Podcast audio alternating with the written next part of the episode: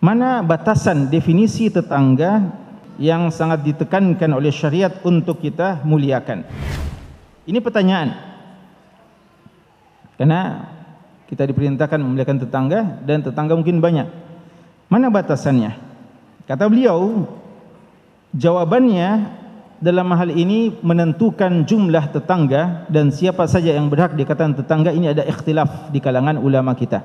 Namun menurut beliau yang dipilih oleh Syekh As-Sahhul Aqwal pendapat yang paling sahih dalam hal ini ya kan ada yang mengatakan tetangga itu 40 rumah dari kita. Jadi dia bagi 4 10 10 10 kanan 10 kiri 10 depan 10 belakang ya.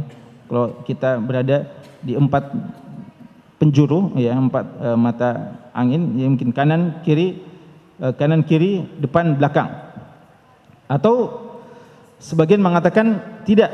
Justru maksudnya adalah 40-40. 40 kanan, 40 kiri, 40 depan, 40 belakang. Itu lebih banyak, 160 jumlahnya.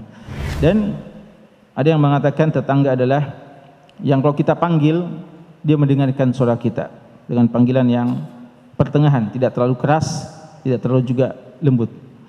Ada juga yang mengatakan tetangga itu adalah yang solat berjamaah dengan kita khususnya solat subuh.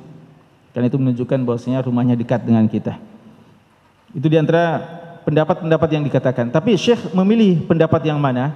Beliau mengatakan wa sahul aqwal fil mas'alah fi hadil mas'alah pendapat yang terkuat dalam masalah ini adalah ini kembali kepada urf, kembali kepada urf kebiasaan adat satu daerah atau tempat tertentu.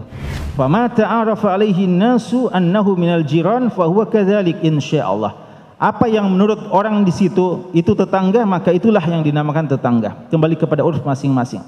Dan pendapat ini kata beliau adalah pendapat yang dipilih oleh al-Imam Ibnu Qudamah rahimallahu taala. Jadi boleh jadi 40 boleh jadi lebih dari itu dan seterusnya